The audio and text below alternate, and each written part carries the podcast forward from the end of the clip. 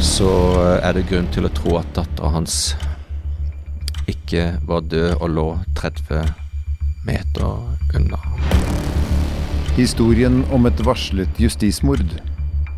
En podkastserie fra KRS i 13 deler.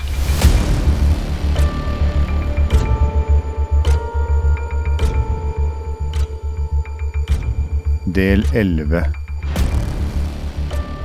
Du har vært eh, nøye, Ole Dag, på å fortelle gjennom hele serien at eh, rettsapparatet ikke har som oppgave å komme med sannheten. Eh, du kaller det egentlig noe annet. Og dømmer ikke ut ifra hva som er sant og ikke sant, nødvendigvis. Men nå har vi en situasjon der vi mange begynner å nærme seg noe de tenker at ok, nå var det én gjerningsmann, uh, dette skjedde i Baneheia. Kan du dra oss igjennom det du vet? Nå snakker jeg teknisk, fysisk, denne dagen, denne kriminelle handlingen. Hva skjedde? Ja, jeg tror mange har behov for å forstå hvordan kunne egentlig dette ha foregått hvis vi tar bort hele Viggo Kristiansen. Ja. Hva er det vi da egentlig sitter igjen med? Da må vi nesten begynne med dagene før, hvor eh, det hadde vært en varm mai. Disse veldig grunne eh, kjernene, kalt stampene, stampe 1, 2 og 3, var blitt varma opp. Eh, og eh, særlig barn som ikke kunne vente, gikk og bada. Eh, Lena Sløgdal Pausen var og bada med en annen venninne- dagen før.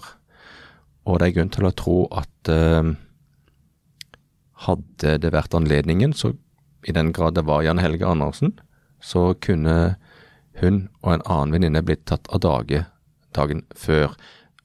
Jan Helge Andersen ble sett flere observasjoner, dette var altså kjent under rettssaken, at han gikk og øh, gjorde rare ting i Baneheia dagene før.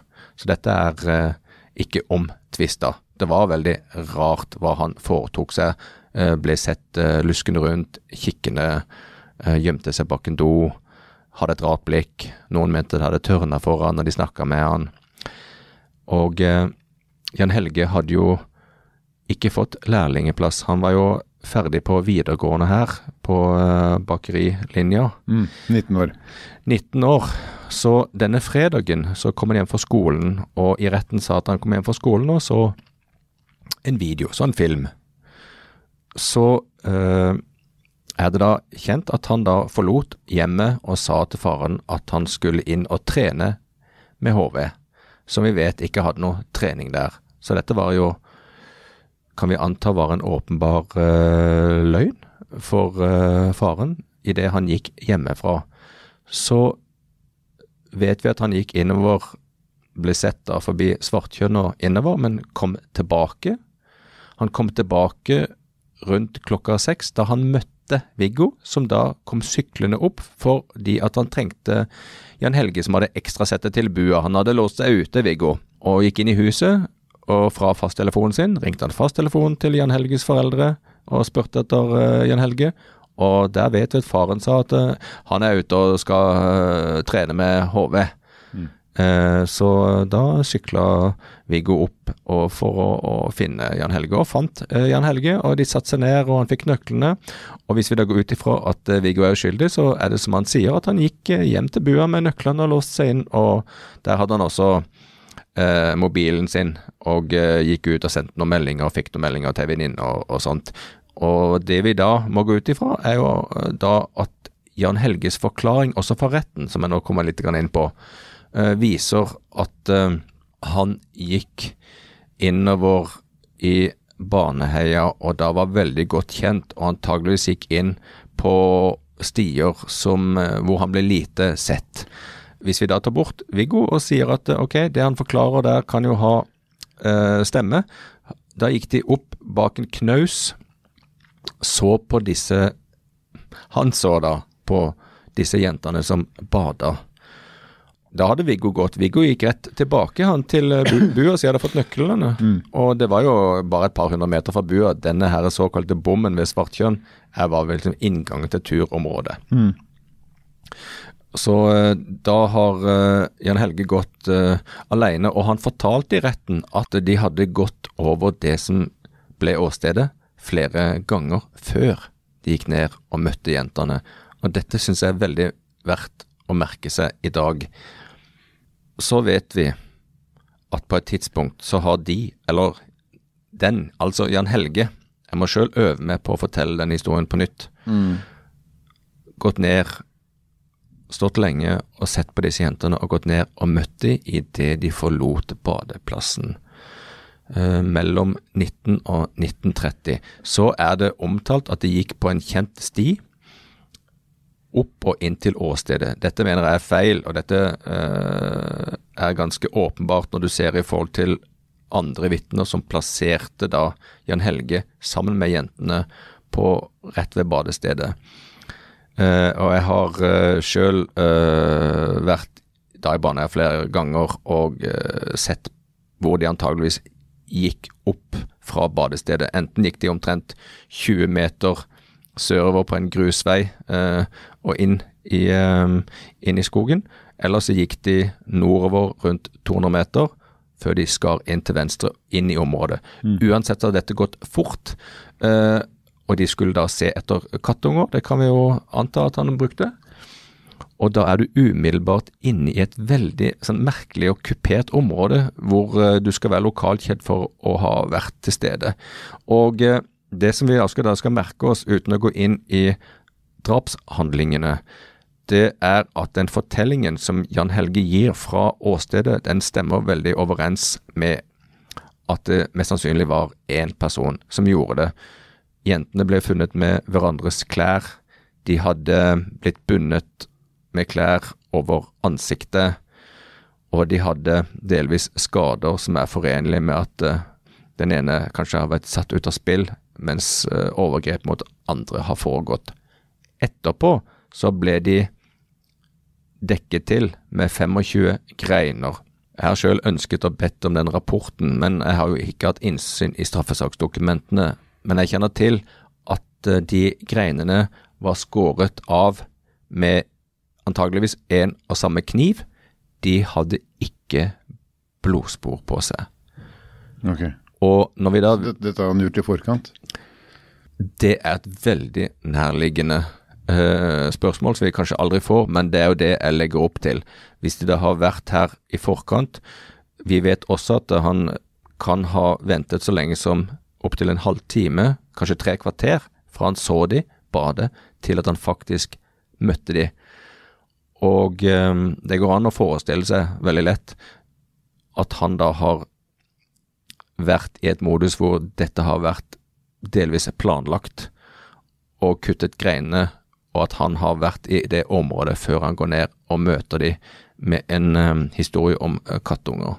For det er jo juridisk interessant hvis han har gjort som du nå er inne på, som selvfølgelig ikke nødvendigvis er et faktum, men hvis disse greinene er kuttet i forkant, altså at man har beredt grunnen for en slik handling, bevisst. Nå må vi vokte oss vel, for dette er jo en spekulasjon om hva som ligger i de eh, vitneforklaringene, de bevisene vi har, og hva de tyder på. Det er liten grunn til å tro at han eh, kommer til å bli dømt for planlagt og overlagt eh, drap. Det jeg sier er at eh, mye i det foreliggende bevismaterialet tyder nettopp på det. Og det er interessant. Det må gå an å, diskutere uten å forhåndsprosedere eh, dette, fordi at vi må forstå at retten vil måtte legge til grunn det de mener er grunnlag nok for å dømme Jan Helge i så fall, mens vi er opptatt av å forstå hvordan dette har skjedd. Og eh, eh, mye tyder på at dette, at Jan Helge har hatt en oppførsel som er pekt fram mot slike handlinger i dagene i forveien. Um, og uh, at drapshandlingene peker veldig på hvordan dette er gjennomført av én person. Han hadde jo selv bare ei uke cirka i forveien vært på kurs og lært seg hvordan man skal skjule spor, og gått og visket disse sporene. Man kan også lure på kniven. Vi vet ikke hvilken kniv som er brukt, den ble aldri funnet. Han forklarte i retten. Jeg gikk gjennom uh, avhøret i retten hans i dag morges for å kikke over det, og han forteller da om, uh, om Viggo som hadde en kniv innenfor bukselinningen. Vi ser gjennomgående at uh, Jan Helge forklarer seg om Viggo på en måte som vi etterpå kan se aha, han forklarer seg jo egentlig om seg sjøl. Hvis du bare tar vekk Viggo, så er det veldig en del av de forklaringene hans kan stemme overens med hvordan dette var her. Så han kan ha godt hatt en um, kniv selv. Uh, innenfor, uh, hvor sliren var innenfor uh, bukselinningen. Men, eh, men, her skal jeg selvfølgelig være forsiktig med å spekulere. Men det er altså mye på åstedet og i forklaringene rundt som tyder på dette. Vi har også forklaringene til politiet umiddelbart etterpå. altså I rundspørringene så var Jan Helge veldig opptatt av å fortelle hvor han var på en tur på nordsiden av Baneheia inn mot et område som heter Bærvannet. Og da var han veldig opptatt av at det var ca. 1930. Ja, Det husker han veldig godt, sa han i begynnelsen. Det eh, kan i dag eh, gi oss en pekepinn på hvilket tidspunkt som var det sentrale for eh, drapene, tror jeg rett og slett. Og eh, vi vet at eh, Viggo ringte til en annen kompis fra trappa 2019, og at da var Jan Helge der. Så vi har da et tidspunkt fra 1900 til 2019. Eh, og i det tidsrommet der, da, hvis Jan Helge gjorde i den grad Jan Helge gjorde dette alene, så har vi altså grunn til å tro at det sentrale tidspunktet for drapshandlingene var rundt 1930. Og det kan stemme veldig godt overens med øvrige eh, vitneforklaringer. Og her har du også da en god del vitneforklaringer som ble eh, skal vi kalle det skjøvet bort i forhold til historiefortellingen som påtalemakten hadde da i 2001 og 2002, som nå vil bli sett i et annet lys. De peker litt i ulike retninger, men eh, de peker grovt sett mot uh, at Jan Helge kan ha blitt sett uh, med disse jentene på et tidspunkt rett ved siden av badestedet før de stakk opp i skogen. Og, og at han da siden forsvant og gjorde ugjerningene sine planlagt eller ikke i løpet av en halvtime, tre kvarter, før han da innfatt seg hos Viggo på trappa. Og der er det også kjent at han eh, etter ganske kort tid så, så hadde han behov for å gå hjem og dusje. Mm. Og um, Jan Helge Andersen var ikke en som dusjet i utrengsmål, uh, ut ifra det jeg har sett. Og uh, Viggo Kristiansen og hans advokat kunne i alle fall under rettsakten ha gjort et poeng ut av dette, men det ble det aldri gjort. Men i den grad vi ser for oss at Jan Helge Andersen kom fra drapshandlinger eh, ut av skogen og gikk de få hundre meterne og satte seg på trappa med Viggo for å gi et uh, inntrykk av uh, hverdag. Mm. Det var en fredag kveld, en uh, vårkveld, hvor de satt og tøysa og prata. Så, så, fikk han altså raskt et behov for å gå hjem og dusje. Det er jo, kan man jo si, det var jo ingen som hadde snakket om, om Ingen som hadde sett noe blod, da, verken på hender eller klær, uh, Jan Helge. Eh, han har jo da også forklart at, han, eh, at de da hadde vasket seg i, i noen pytter, og vasket knivene og vasket seg og sånt. Men, eh, men, det kan man jo undre seg over. Men i alle fall så gikk han rett og, og dusj, gikk hjem og dusja. Vet vi akkurat når jentene døde? Om de døde under drapshandlingen eller senere? Under rettsforhandlingene i 2001 og 2002 så ble det gitt som en mild trøst i, under hovedforhandlingene da eh, de sakkyndige kunne fortelle at om ikke annet så hadde jentene dødd en ganske rask og smertefri død. Lena var stukket først med flere snikk, og eh, døde raskt. Det ble også fortalt at eh, Stine Sofie gjorde det samme. I uh, ettertid så er det blitt tydeligere at de også hadde veldig mange sår på kroppen. Det er også egentlig tegn til kamp og fortvilelse.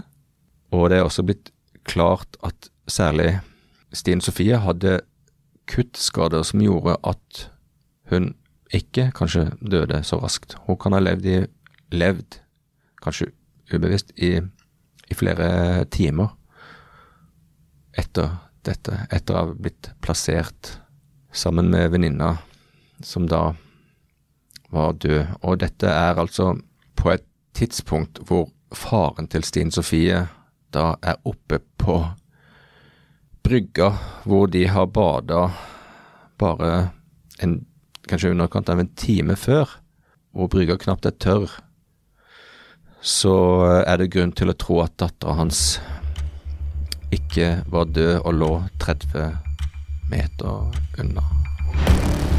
Historien om et varslet justismord. En podkastserie fra KRS i 13 deler.